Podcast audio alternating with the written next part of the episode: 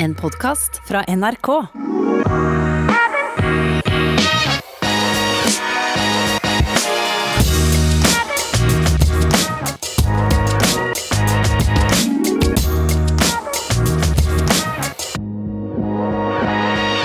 Vi prøver oss eh, nok en gang, vi. Velkommen til en ny episode av I det lange løp. Jeg, Jan Post, har akkurat kommet meg hjem fra flyplassen etter å ha reist hjem fra NM på ski. Det var eh, trivelig der oppe i Trondheim.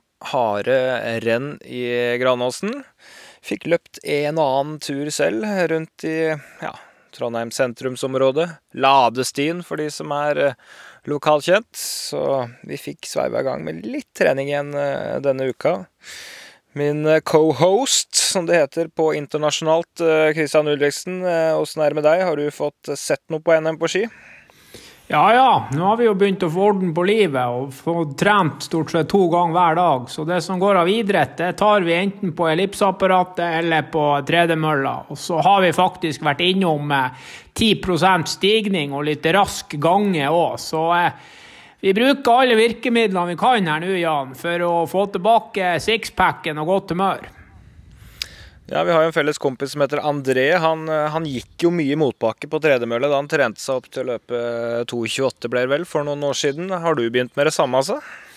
Nja, men det er litt sånn her nå at eh, siden jeg springer seks eh, dager i uka, så tenker jeg at kontinuiteten på løpinga er det viktigste. Så eh, er det litt sånn når du begynner å bli lei av det der ellipsapparatet, så er det litt greit å få gått litt òg. Så jeg har bare gått to ganger da, og har vært på ellipsapparatet sikkert eh, fem ganger. Så jeg er fortsatt eh, mer på ellipsen enn vi går. Men jeg er innom. Hvis du setter på 10% stigning og du går på en rundt 7 km i timen, så er det ganske bra sånn her fedmetrening.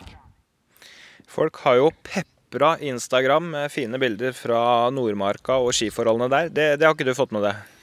Nei, her så er vi på hjemmekontor, og så er vi nede i boden, og så ligger vi og sover. Vi ser ingen folk, og vi eh, tar smitten på alvor, og ute i skiløypa har vi foreløpig heller ingenting å bidra med.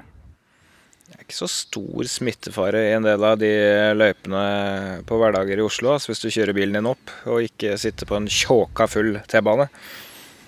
Jo da, det er nok et godt poeng. Men eh, å begynne å smøre ski og begynne å hente frem en bag her med langrennsklær og sånn, det er langt unna der eh, jeg er for øyeblikket. Så jeg tipper det blir en begrensa skisesong i 2021 også. Så eh, får vi se her. Jeg har fått ny MR 1.3.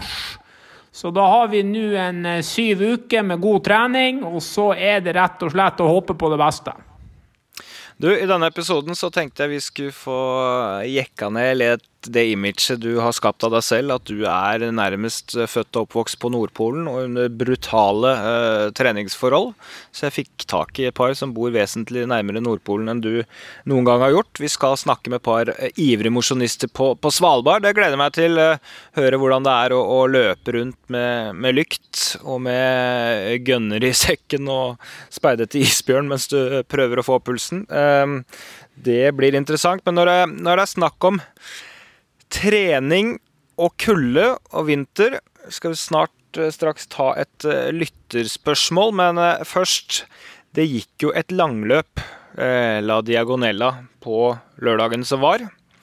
Din gode kompis Andreas Nygaard, en av de som har slitt i etterkant. Det var jo ned mot 30 minus et par steder i den løypa. Jevnt over 25 minus. De gikk langs åpent vann en del steder.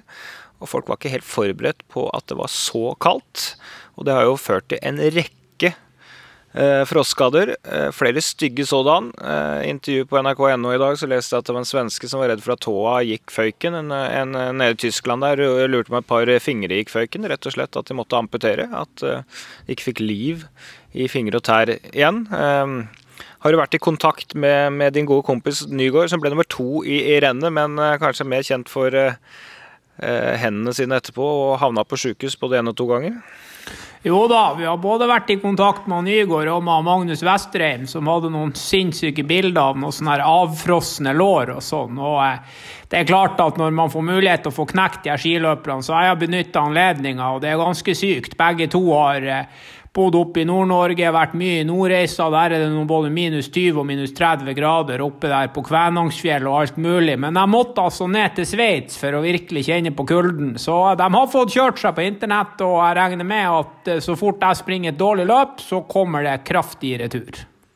Ja, Vi får håpe at det går eh, bra med Nygaard. Jeg hørte noen rykter om at han hadde styra litt med, med, drikkesekken på forhånd og, og, blitt litt våt på hendene, rett og slett, uh, gjennom hanskene. Og, og, når du står og våt på hendene og skal gå tre timer, og det er minus 25, så skjønner man jo selvfølgelig at det ikke er så lurt i, i etterkant. Så det, det, anbefaler vi å ikke gjøre.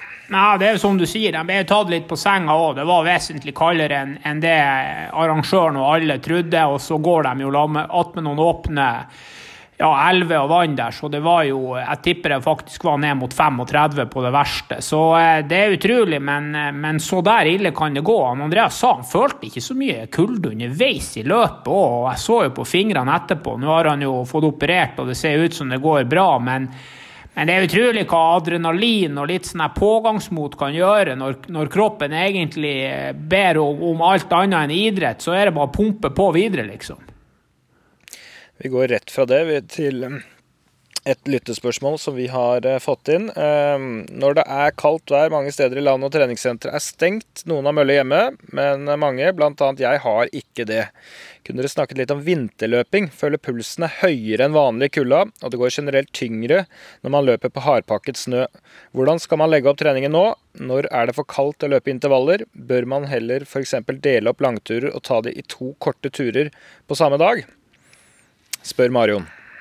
Ja, nå har jo ikke jeg bodd på Svalbard, da, for det må jeg like å si at jeg er fra Nordpolen. Så har jeg jo sprunget mine timer på hardpakka snø i Tromsø. og jeg er jo enig i at, eh, at, hvis du har litt glipptak og sånn, så er pulsen litt høyere på, på samme fart enn en med, med, shorts på bar asfalt. Så det må man jo rett og slett bare justere. Hvis rolig fart er 5,30, så får man skru ned til, til 6 blank. Og når det kommer til hardøkter, så har jo jeg vært eh, privilegert med å kunne trene på ei mølle når jeg skal springe fort. Og, og, jeg tror jo at spesielt skiløpere som er i, i, plasser der det er veldig kaldt, den skilinja inne på Nordreis, i Nordreisa og sånn der oppe i Troms, der kjører de jo en når det begynner å bikke mer enn minus ti grader, så eh, lar de være å trene veldig hardt. For at du, du kan risikere å få litt sånn kuldeastma og litt trøbbel med lungene. Så jeg ville holdt det moderat når det er ordentlig kaldt ute, og så heller på en måte sprunget litt lenger. Tatt opp mengden litt heller. Ja, Når det gjelder underlag, da, hardpakka snø, så mange ganger så får man jo ganske godt fest egentlig med, med vanlige sko på det. Og, men, men, da tenker jeg farten. altså For det første så er man kledd mye mer om, om, om sommeren. Det, det gjør at man føler seg litt tyngre, har litt sånn dårligere bevegelighet. Og så er det jo øh, tyngre å, å puste i kulde, så det gjør at man kanskje har høyere puls på samme fart. Øh, så her anbefaler jeg rett og slett å gå på følelsen. Glem klokka, øh, altså glem fart. Løp på følelsen og ligg på den intensiteten du skal. Det er veldig veldig god trening, selv om du løper 10-15 sekunder saktere enn du ville gjort på, på sommersti på samme streka. Så den syns jeg er grei. Og så bør man kanskje ikke pushe for hardt de dagene det er er så glatt at man glipper hvert steg, altså, for da, da, blir det fort skader. Kan man kan heller ta seg en rolig løpetur, og så får man prøve en dag hvor det er bedre feste, rett og slett, tenker jeg. Ja, det finnes jo gode folk som faktisk har bodd i Tromsø. Både Henry Olsen på 70- og 80-tallet og en som heter Atle Joakimsen. Begge dem har løpt eh, på 2.15 og 2.17 liksom, og trent hele vinteren oppe i Tromsø da, på sneen og sprunget til og fra jobb. og Jeg husker jeg prata med Henry en par ganger. Han sa jo òg det at, at, trening på vinteren det var transport, og det gjaldt å få, få, mengden i beina. Og så farta, den kom etter hvert som eh, temperaturen steg litt.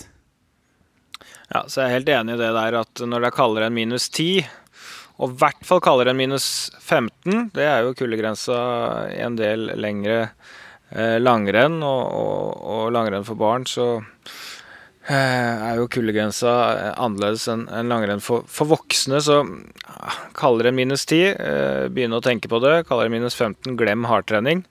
og ta det heller en dag det er milde, rett og slett. Men man kan løpe rolig ute helt i minus 20 og uten at, at, det er noe problem i og for seg, hvis man kler seg godt, da. Ja, jeg mener jo det. Ta på seg litt ordentlig med klær, og glem den farta. Ikke noe sånn uh, tynne løpevanter da. Da er det på med uh, Votter er en lur ting, uh, sånn at flere fingre ligger i samme rom, på en måte. Da holder man fort varmen bedre. Tjukk bøff, tjukk lue, beskytt ører. Og kle deg ordentlig sånn at i, i vindtett, hvis det er noe drag i lufta, selvfølgelig, så, så, blir det jo ekstremt kaldt. Men hvis man kler seg ordentlig, så går rolig løping eh, til det er ganske kaldt. Ja, helt enig. Få opp mengden litt. Spring 60 eh, minutter i stedet for 45, og så springer man heller litt mer rolig.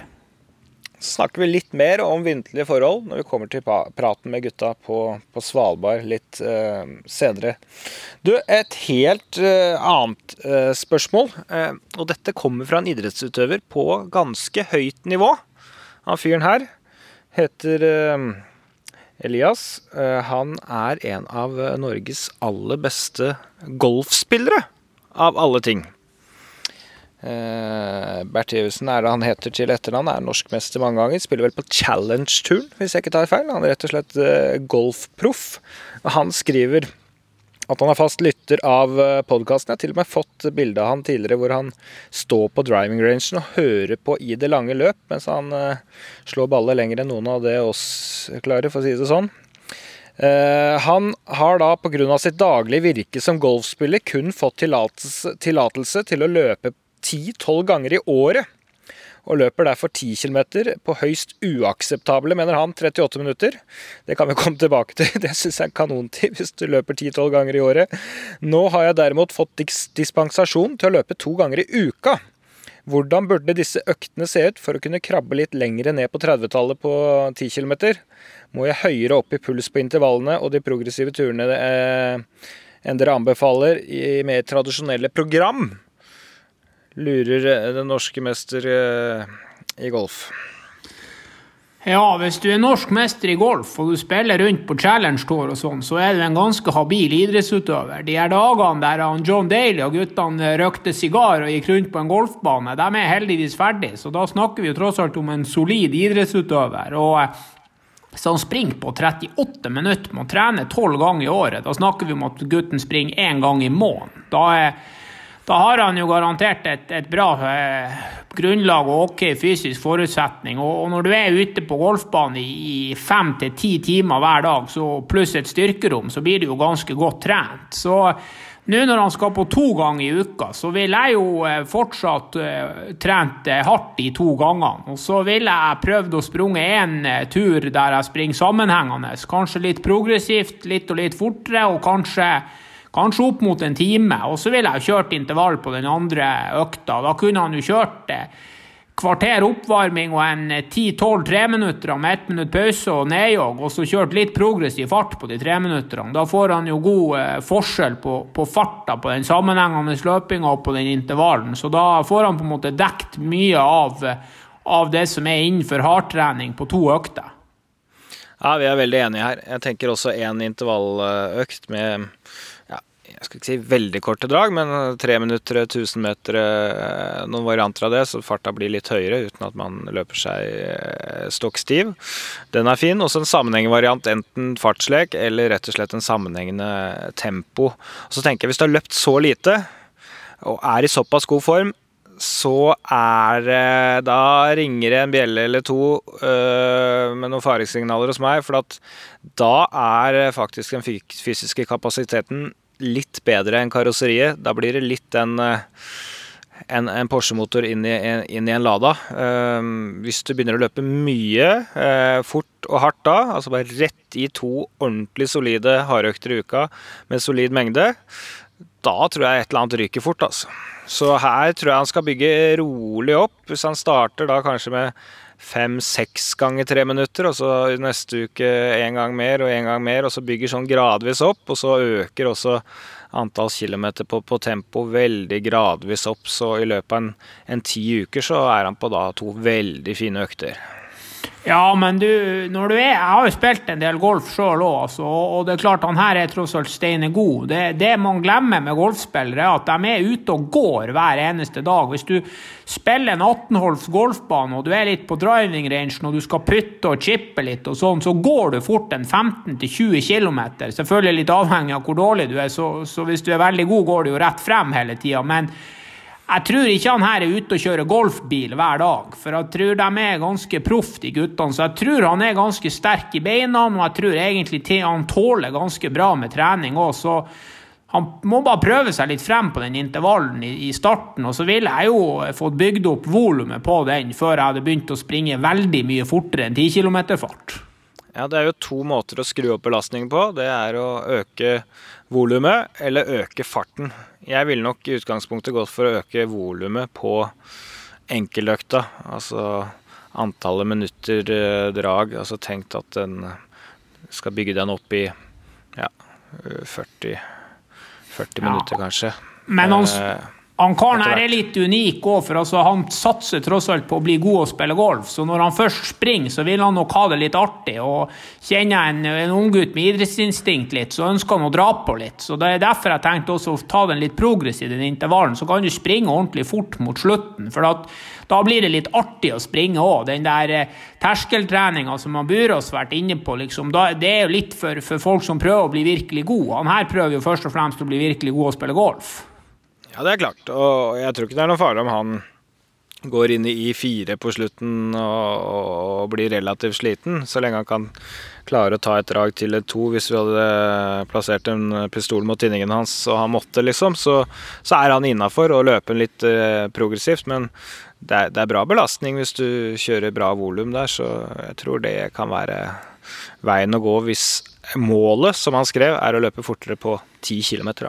Ja, Det blir han å få til uansett. Å gå fra å trene én gang i måneden til to ganger i uka, det blir å gå ganske radig etter hvert. Han blir å springe ned mot 35 minutter ganske, i løpet av ganske kort tid, han golfspilleren her. Ja, så når han er ferdig med å, å, å slå golfballer, da kan han jo virkelig løpe fort. Da er han mest han... sannsynlig så rik at han ikke har motivasjon til å springe. La oss håpe det går så bra med, med golfen. Du, eh, et annet spørsmål her. Eh, en som heter Arthur, som eh, skriver at han har et spørsmål som han håper vi kan diskutere. Skader og opptrening er jo tilbakevendende tema, men hvordan bør man trene før i hermetegn en skade? Og da tenker jeg på hvordan man bør trene når man vet at man får et avbrekk, f.eks. en planlagt operasjon. Selv skal han operere et leddbånd i en ankel om tre uker. Etter det er det seks uker hvor han kan trene lett sykling, skierg, romaskin uten belastning på ankel. Og han kan løpe, først løpe etter tre måneder. Han kan øh, kan nå trene øh, på tredemølle eller flatt, men ankelen er litt sånn at han ikke bør løpe på veldig ulendt underlag, slik jeg forstår. Um, hva tenker du? Hvordan bør han trene de tre ukene før operasjonen? Du har jo vært gjennom noe av det samme. Du visste at du skulle operere. Ja, så han Lasse Lempanen sa jo det, han kirurgen i Finland, de siste to ukene når vi var på karantene i Finland. Han sa jo at det, det er bare å trene, men det er jo ikke noe poeng å, å ødelegge seg mer enn det man er. For da blir det jo bare komplikasjoner på, på selve operasjonen enda verre. Sjansen for at operasjonen blir mislykka, blir større. Du kan få masse indre blødning og, og, og annet svineri rundt operasjonsområdet. Så jeg ville jo prøvd å trene det som på en måte ga litt motivasjon og glede, men samtidig så må det være sånn at det ikke gjør så vondt. For ting som gjør vondt, det er ikke noe poeng å bare pine seg gjennom det rett før en operasjon. Da kan du risikere at det tar enda lengre tid før du kommer tilbake igjen. Her må vi forutsette at den treninga han gjør, ikke gjør skaden verre. Eh, det må vi bare ha, ha i bånn. Det er det første han må tenke på. Um, og så tenker jeg at eh, det kan jo være lurt å ligge på ganske høy belastning, og da kommer litt an på hva slags kvaliteter man har, da. Man kan jo da øke mengden, ligge, ligge litt på litt høy mengde. Eller skal man skru opp farten litt og kjøre flere intensive økter. Og da kommer det litt an på hvilke kvaliteter man selv har som løper, da. Hva, hva man vil utvikle litt. Skal man være litt man kan jo være litt sliten når den operasjonen kommer. En annen ting jeg tenker, er jo hvordan kan man trene sånn at man gjør treningen i skadeperioden etter operasjonen best mulig? F.eks. hvis han skal trene med å løpe i vann, kan han venne seg litt til det. Hvis han kan svømme, bør han ta en svømmeøkt eller to. Og, og i hvert fall begynne å jobbe litt gradvis med disse alternative tingene, så han i hvert fall ikke blir skada av å plutselig stå en haug med timer på, på ellipse eller sykkel. Sånn at den overgangen blir veldig brå, da.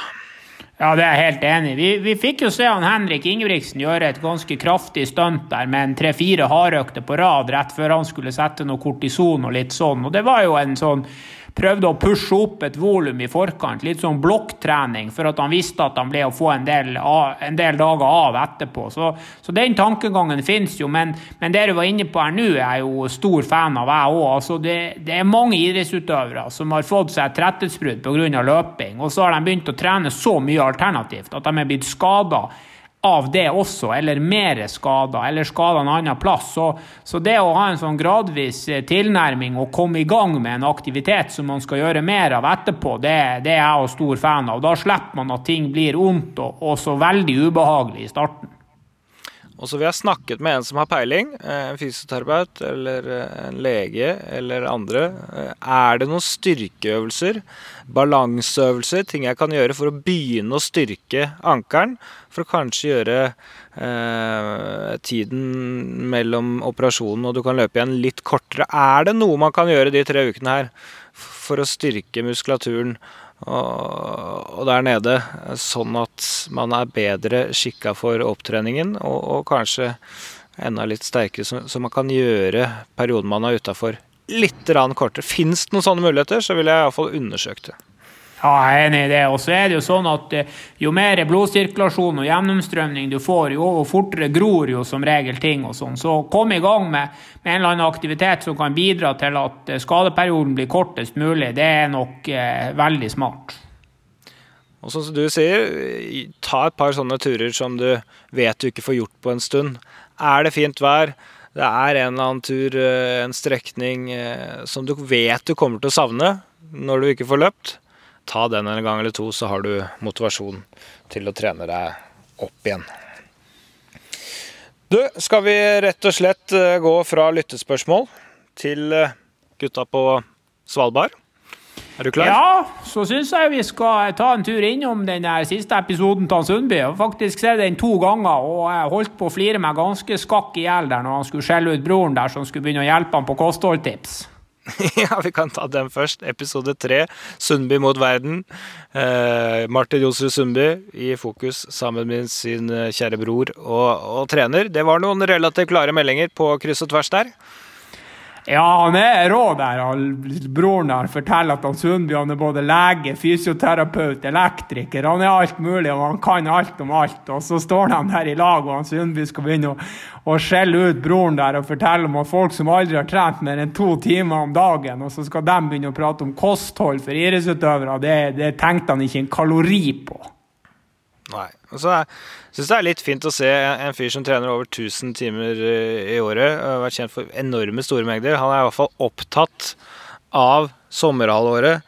At han får i seg nok kalorier. Om det så må bli Haribo i perioder, for at han skal kunne orke å trene så hardt og så mye som han ønsker, så får det være. Og så får han heller eh, spesialisere kostholdet sitt og, og, og, være litt nøyere inn mot sesong. Men når han er i trening, om han så veier en kilo eller tre eller fire for mye, det spiller ingen rolle. Han skal trene bra, og han må orke det, og da må han ha nok næring. Der syns jeg folk kan ta litt læring. Ja, jeg tenker jo på den berømte kona hans også. Jeg kan tenke meg han Sundby der, som, som broren sa, er, er kortvokst og, og, blank på hodet. Temperamentet er deretter. Hvis han skulle kutte alt av sukker òg, så hadde det forholdet og de der ungene det hadde røkket rett til skogen den første måneden når han der begynte å bli sulten.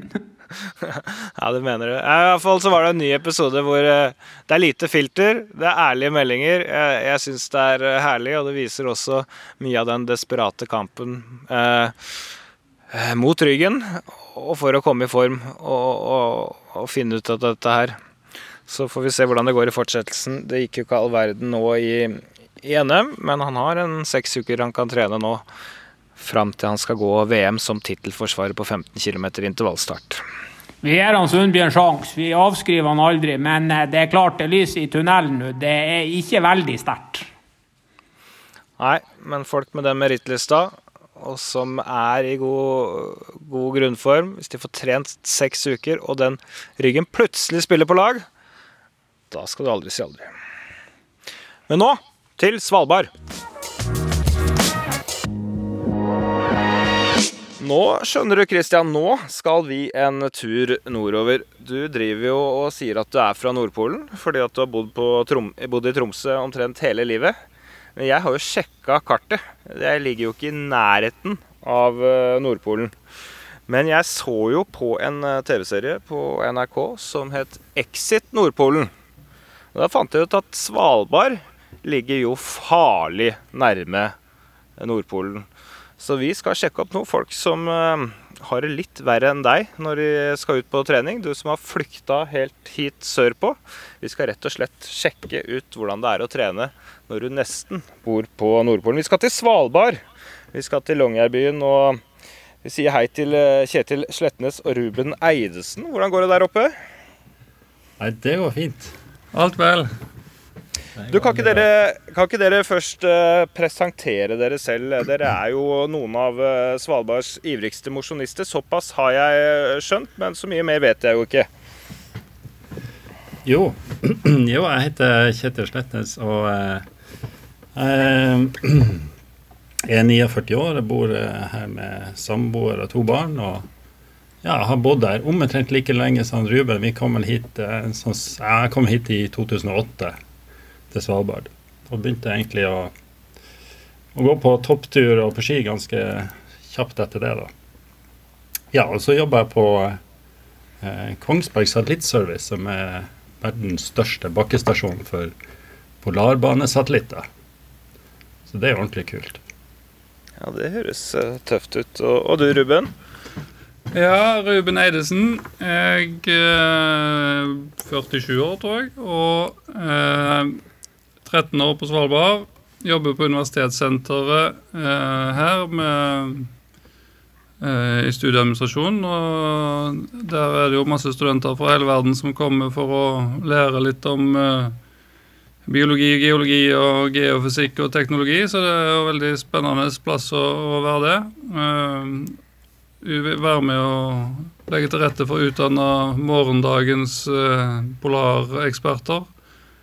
Uh, jeg uh, liker òg å gå på topptur, så det er vel det er en av de tingene jeg og Kjetil har felles. Foruten løpinga, ja. ja, hva er det, da? For jeg, jeg har hørt at dere liker å, å løpe litt. Og, og, det første jeg lurer på, er jo Jeg syns jo det er litt uh, småkaldt her nede på Østlandet. Det er uh, mye snø, det er uh, småglatt, og jeg syns jo det er mørkt for, eh, for, tidlig på ettermiddagene. Hvordan er det på Svalbard nå? Ja, det er alt det du sa.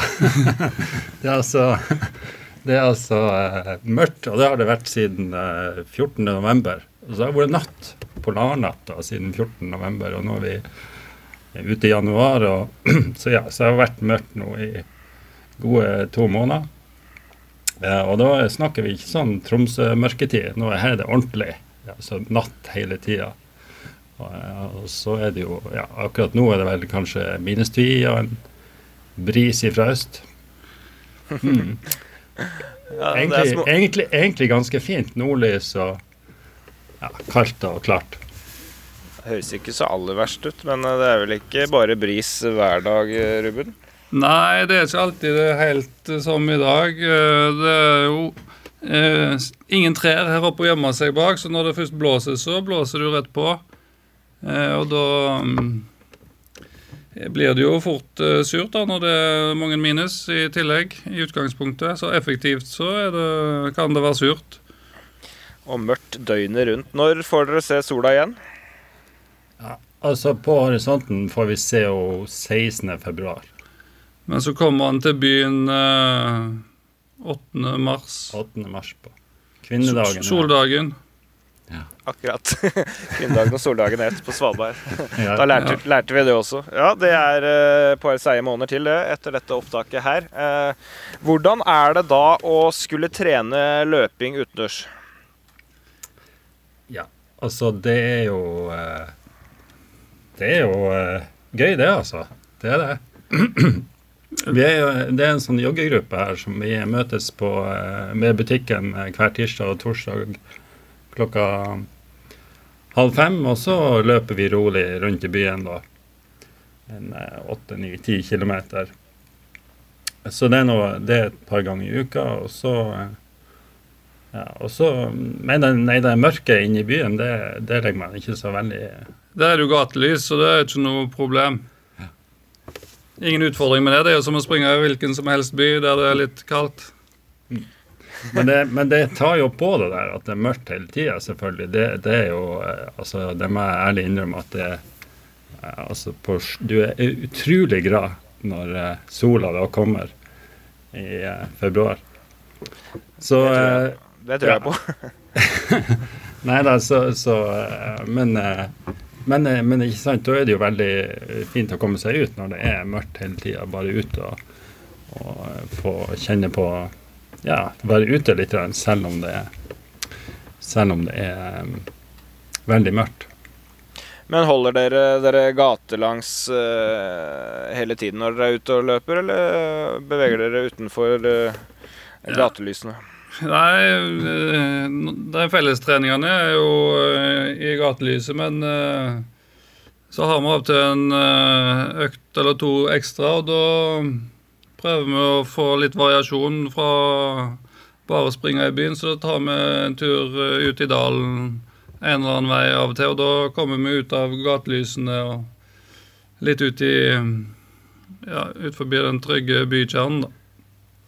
Hvordan er eh, veinettet da?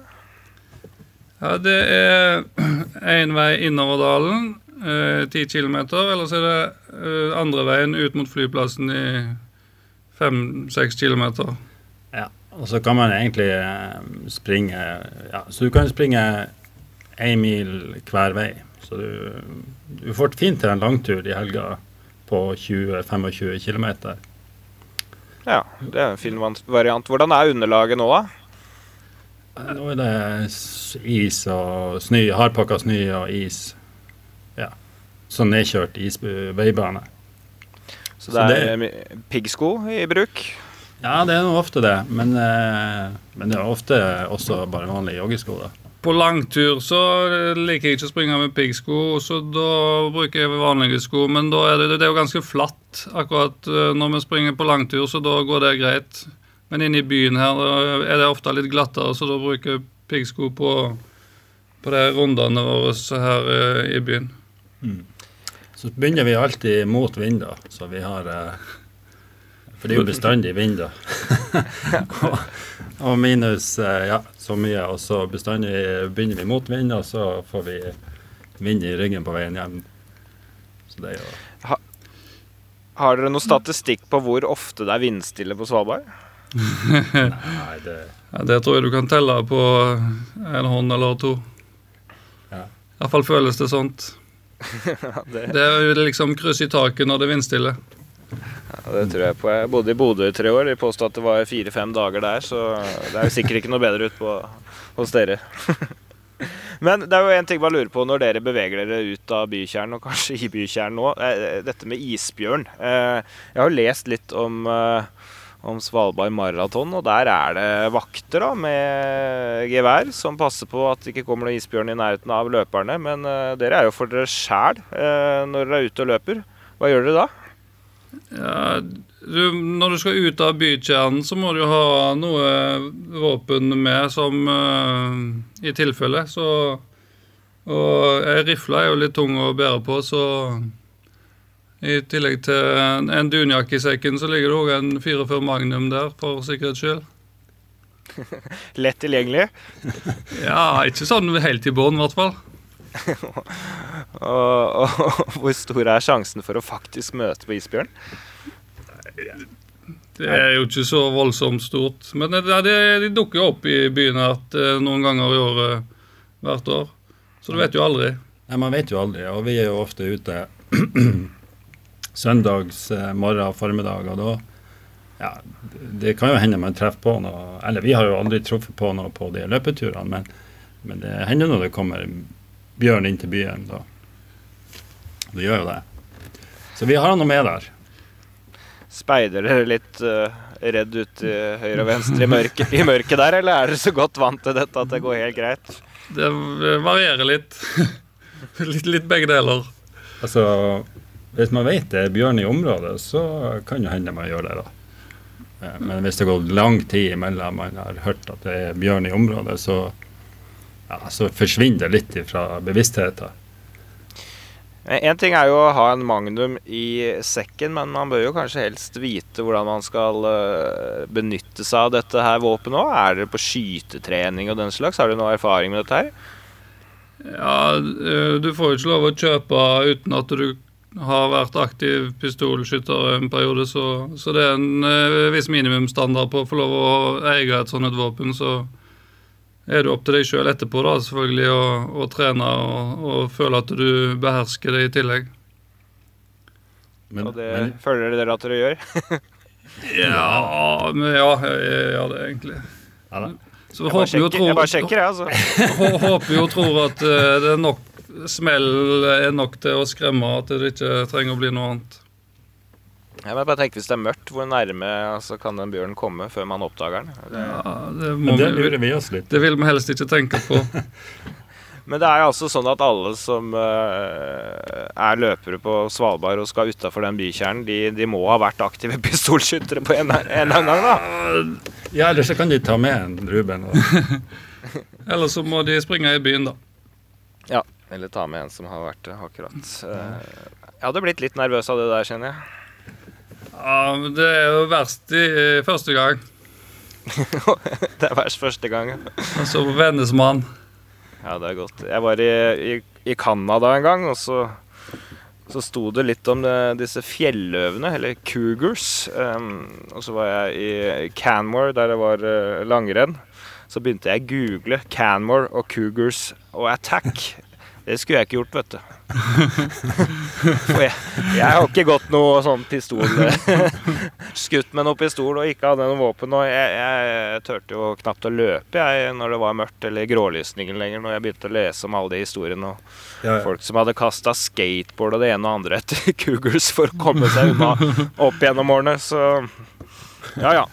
Ja, da, Vi satser på at vi slipper noen sånne historier herfra. Nei, nei, men det men det er, jo, eh, det er jo mange sånne I mørket vet du, så ser du mange sånne formasjoner som, eh, som fort kan være som du, ja, Hvis du bare ser lenge nok på dem, så blir de jo til en bjørn da, etter hvert. Ja. så, så det er mange sånne steiner som blir rapportert inn som eh, bjørner til eh. Så er det jo annet dyreliv her, da, som er ganske men Det er jo noen reinsdyr her oppe som er ganske tamme, som går og vaser litt i byen og litt langs veien og litt sånn forskjellig. Så akkurat i noen brøkdeler av noen sekunder så kjenner du hjertet slår litt ekstra når det er et reinsdyr som dukker opp. Noen sånne smårusninger oppi I5 der, ja. Jeg ser den. Men, eh, men fra fra dyrehold til uh, noe annet. Altså, det er jo, uh, en dørstokkbile er jo velkjent for veldig mange. Og når det er mørkt hele vinteren, det blåser stort sett kuling eller verre, og du må ha med våpen hvis du skal ut av bykjernen, da kjenner jeg at den dørstokkmila den kunne tatt meg da, i løpet av en tre-fire måneder uten sollys i det hele tatt. Hvordan er det å overleve vinteren som, som løper der oppe?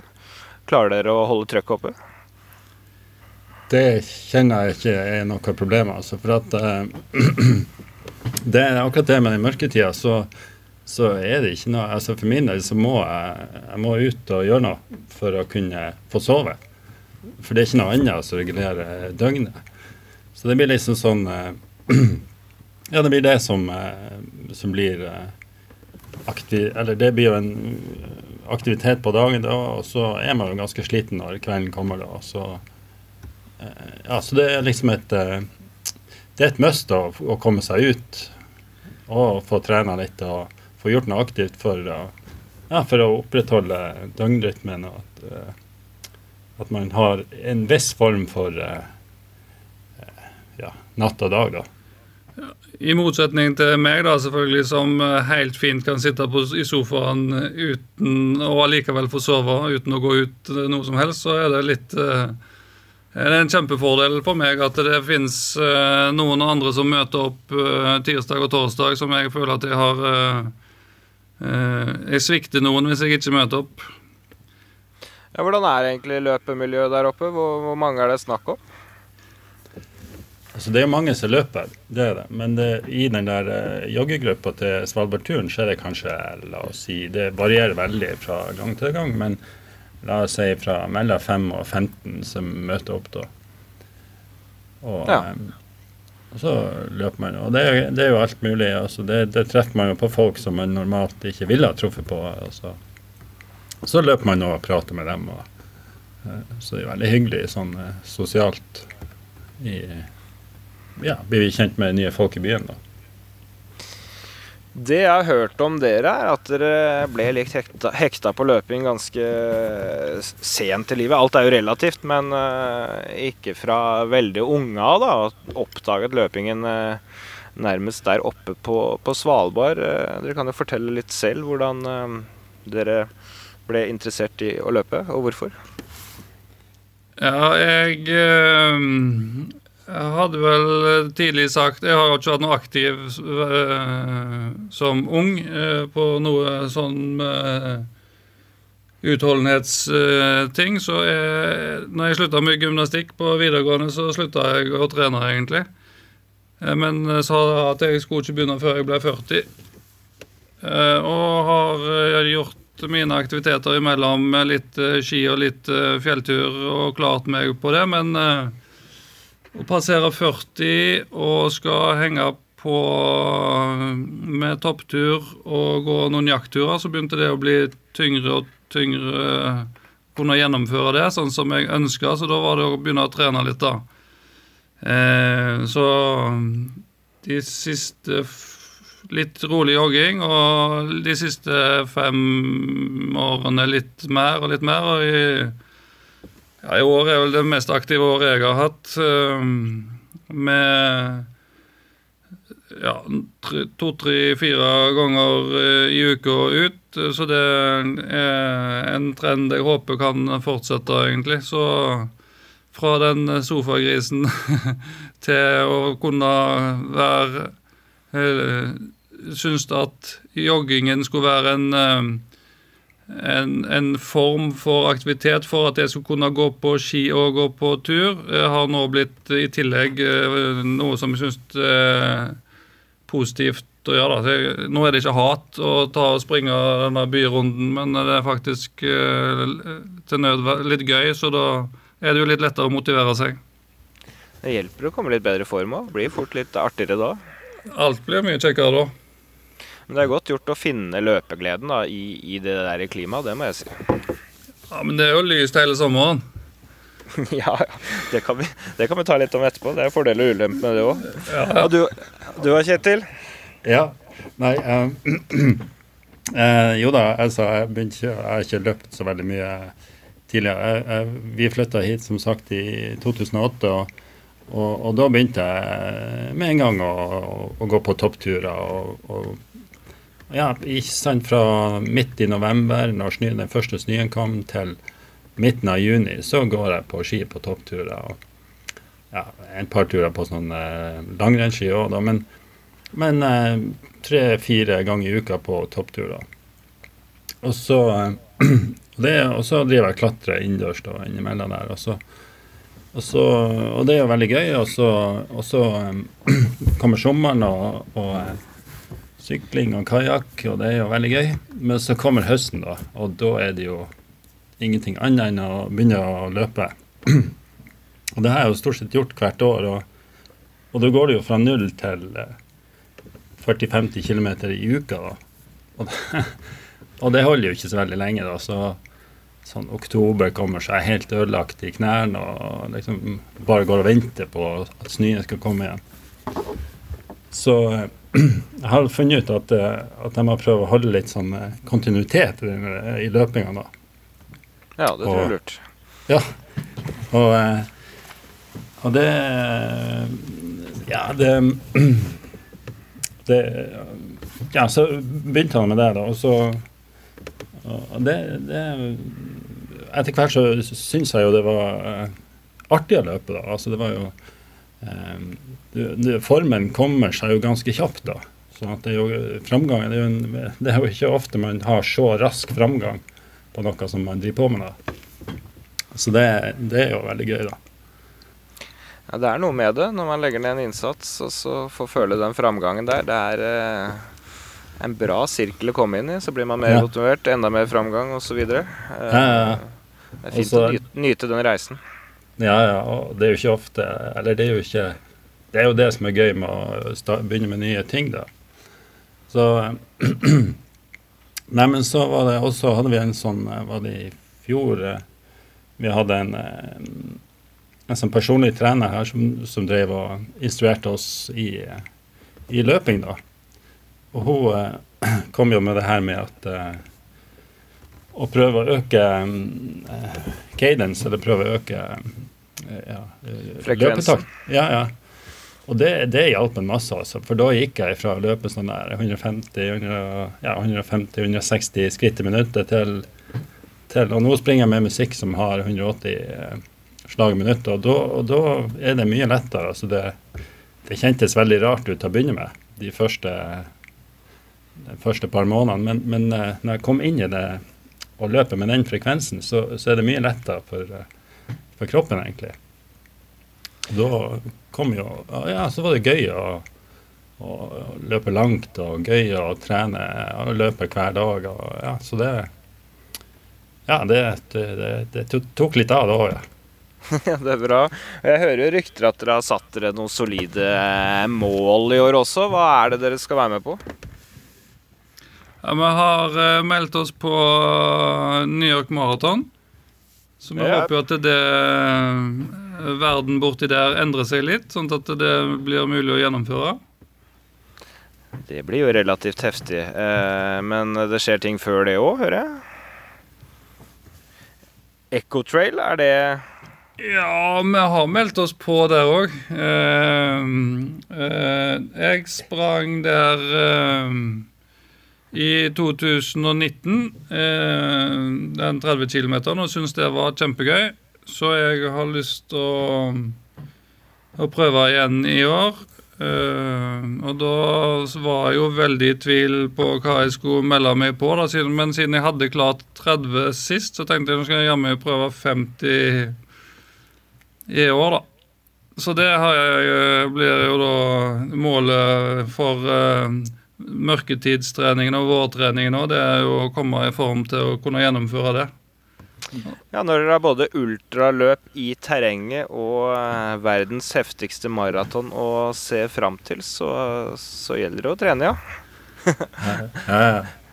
Ja, og da er det jo fint å ha Kjetil med da på begge deler, så vi, vi, vi liksom har noen felles mål her. Ja, for Kjetil, eh, du skal jo også løpe New York. Det er, det er en litt spesiell dag for deg òg, er det ikke det? Ja, det er min 50-årsdag. Så på 50-årsdagen skal jeg springe New York Marathon, da. Det er Det blir jo perfekt. Ja, det blir kult. Så da må jeg være med på bursdagsfeiringen, vet du, så det er bare derfor jeg har meldt meg på. Ja, da får vi håpe dere har en god dag. Jeg har vært i New York og opplevd at jeg har vært så dårlig etter det løpet der at jeg ja. orka å spise en halv reke og drikke en halv øl. Så da blir, da blir det litt dårlig 50-årsdag. Men eh, jeg har vært med på bedre banketter òg, så det, det trenger vi ikke ta her. Men eh, dere kan få noen tips. Det er bra. Ja, det er bra. Nei, men Hvordan har du tenkt å legge opp dette her, da? Eh, fram mot eh, det store målet? Ja, nei eh, eh, eh, Som sagt så løper jeg da eh, seks dager i uka nå. Så ja, nå blir det vel litt mer ski nå i vinterperioden, men eh, Men eh, nei, jeg har lagt et løp med, med langtur hver søndag og, og eh, en eller to intervaller i uka. Og, og så ja, masse sånn kosetrening inne i byen, da. Så eh, ja da, jeg tror det skal, skal gå bra, det, altså. Ja, det høres bra Hvis man- ut. Som bare ikke hvis man ikke blir for ivrig og klarer å skade seg og ja, sånne ting, da. Ja, det var det òg. Du, åssen er det med treningssituasjonen eller tredemøllesituasjonen eh, oppe på Svalbard og korona osv.? Er, er ting åpent, eller hvordan er det?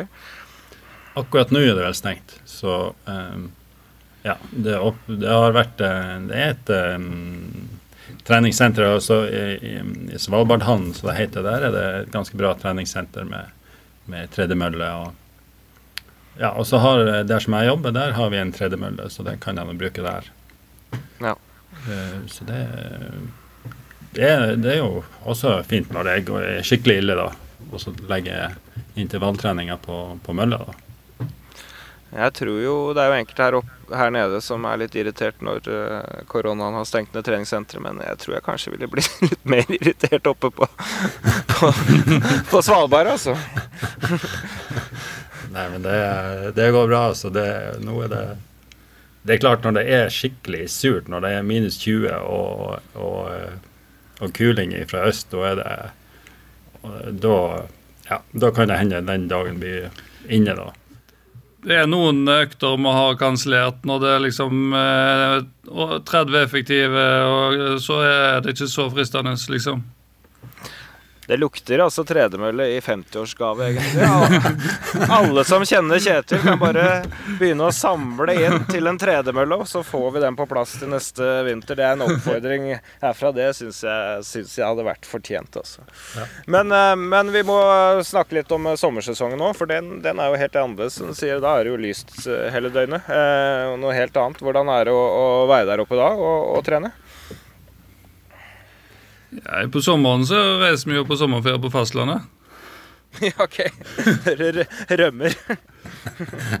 men, men, det er litt midnattssol både før og etter, da, så, så, da er det jo Da er jo det hva tid som helst eh, sol hvis det er fint vær, så det er jo deilig. Mm. Hvordan er det med stier, eh, grusveier, andre veier? Altså rett og slett, hvordan er eh, mulighetene?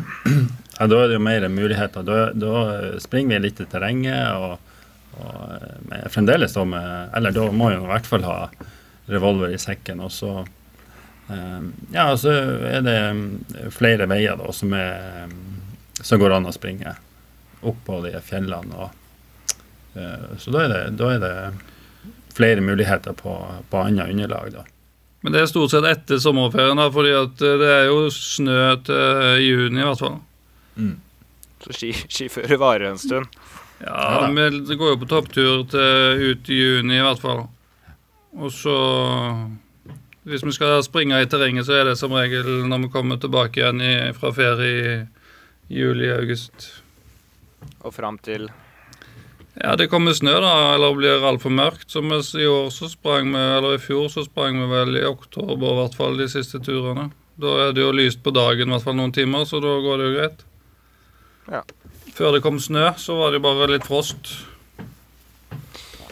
Det er jo et eh, maratonarrangement eh, på Svalbard som jeg har eh, lest litt om og vært litt nysgjerrig på. Svalbard maraton. Hvordan arrangeres det?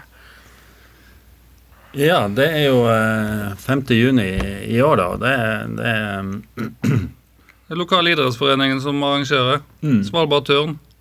Så det er bare å gå på Svalbard Tun sine hjemmesider og, og, og, se på det. Men det er jo eh, det er to eh, det Maraton består av to eh, halv maratonsløyfer, da.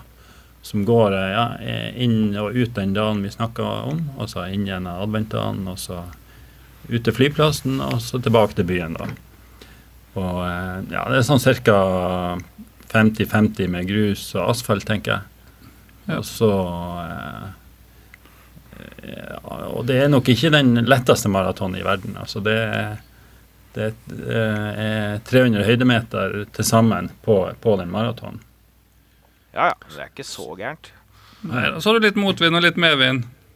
Ja, det er, ikke, er, det ikke vindstille 5. junior? jo, det, ja, det, kan godt være. Ja.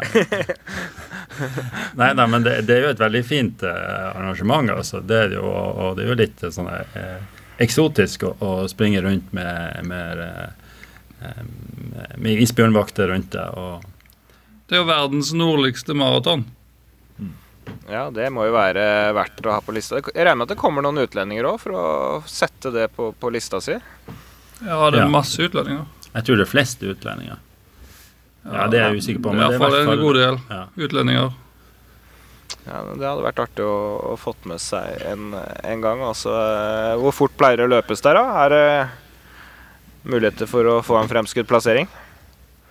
Eh, Det Jeg tror I fjor tror jeg det var tre timer, så var det kjappeste. Så der har du en Det er ikke så mange startende, så hvis du vil starte på første linje, så kan hvem som helst få lov til det. Akkurat. Hun vet du hvor mange som pleier å være med? Nei, det er vel sånn eh, Jeg tror det er 100 og eh, først 50 påmeldte nå. Men det er jo alle distansene sikkert, og ikke bare helmaraton. Så jeg er litt usikker på hvor mange som er på helmaraton. Det starter i tre, tre forskjellige puljer, tror jeg. For det er helmaraton og halvmaraton og 10 km da, som arrangeres. Så da starter de til litt forskjellig tidspunkt. Ja.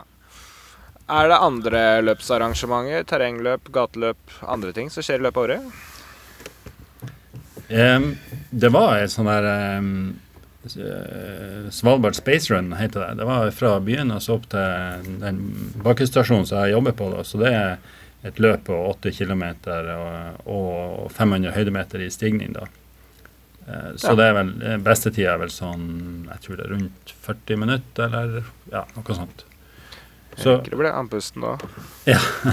i motbakken så rekker du det. Så, så det, er- det er veldig eh, fint løp på høsten, da. Det er jeg usikker på om det skal arrangeres i år. Eh, eh, men det har brukt å ha blitt eh, arrangert. Ja, og så er Nei, det men en, det er- en skimaraton som Ja. er, er populær. Ja, den er også veldig populær. Det er, det er jo en måned før den løpemaraton, så det er i slutten av april normalt. Ja, den er mer populær den. Det er mye flere deltakere der. Du, En ting jeg må spørre om eh, før vi avslutter her, eh, Kjetil. Eh, Det er blitt fortalt meg at du har tilbrakt seks år på en båt. Og, vedkommende En seilbåt, ja. ja, vedkommende som kjenner deg godt, lurer på åssen det hadde gått nå. For at du var liksom eh, 30 dager av gangen inne på den lille båten over, over Stillehavet der. Ja, ja. ja, nei, det har jeg også tenkt den tanken mange ganger at eh, det, jo, det var jo et annet liv. Altså, uh, når jeg kom på land da, så begynte jeg å trene. Så eh, Nei, altså, det er jeg ikke sikker på at eh, Det er jeg usikker på om jeg hadde gått nå. Altså, det kan godt hende at jeg er blitt eh, for rastløs til å eh, kunne takle det. Ja. For det var jo eh, den lengste etappen vi seilte da, det var jo 38 døgn eh, over Stillehavet. Over Stillehavet. Og det, på en 32 fots, eh, 32 fots seilbåt, så det så det, ja, det, var, det var lang Det var en dryg etappe, da. Hva gjør du for å holde kropp, kroppen i gang da? Nei, du gjør jo ingenting. Du, det, det, det, du er jo er jo ung, da, så det går nå bra. Men, eh, men eh, nei, det, det er veldig usunt, egentlig. det er egentlig veldig usunt, men eh, Ja. det høres ut som et stort eventyr. Ja, det var det jo. Det var det. Altså, og så eh, seilinga er jo ikke eh, kanskje all verden, men det, man legger jo veldig lang, lang tid eh, i havner rundt omkring. Så du ligger jo Altså på de seks årene som vi seilte, så, så lå vi jo aller mest i havn, da. Så vi eh, ja, vi gikk jo turer og, og liksom eh, var i bevegelse, var i aktivitet òg. Ja, Men- det tror jeg dere hadde godt av. Ja.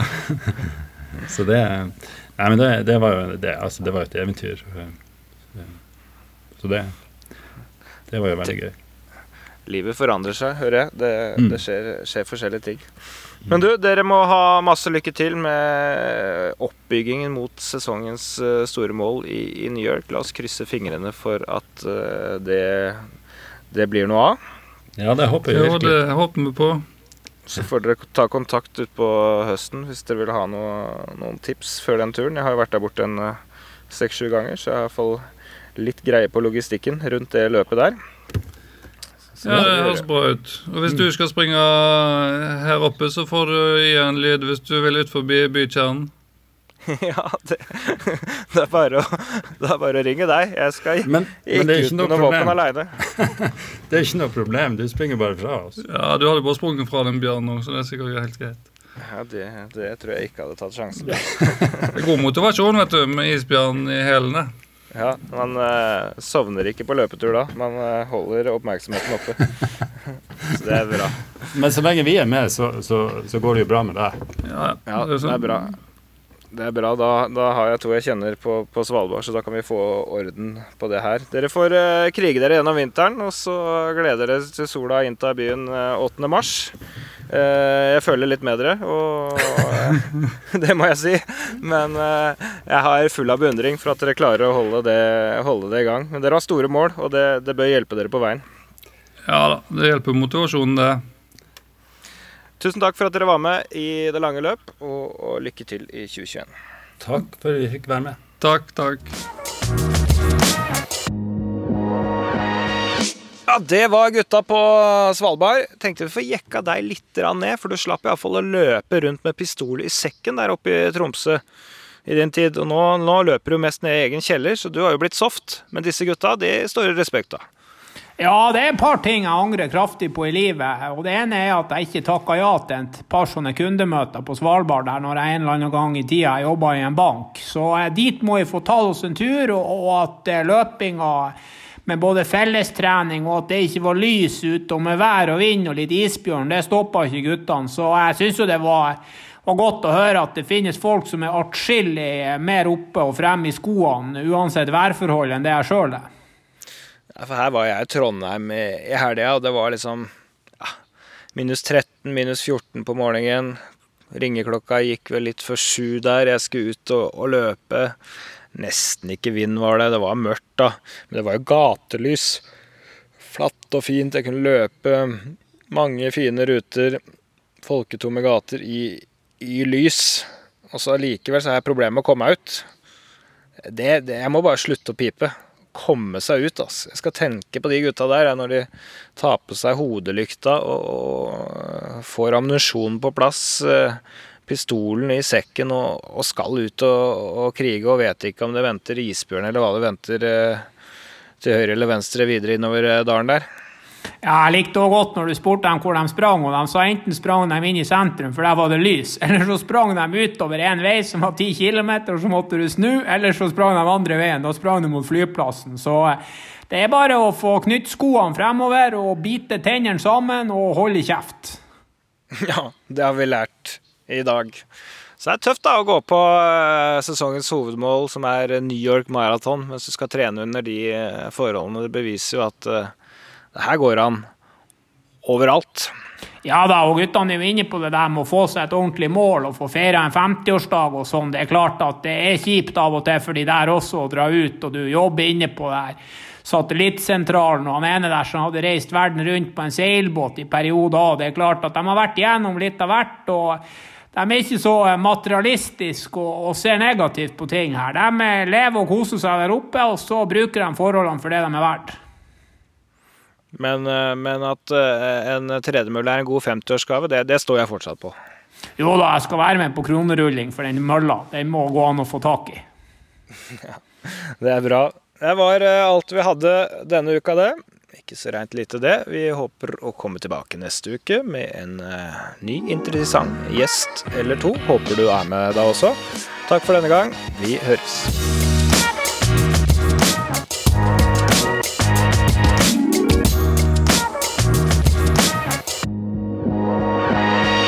Du har hørt en podkast fra NRK. Du kan nå høre flere episoder av denne serien i appen NRK Radio.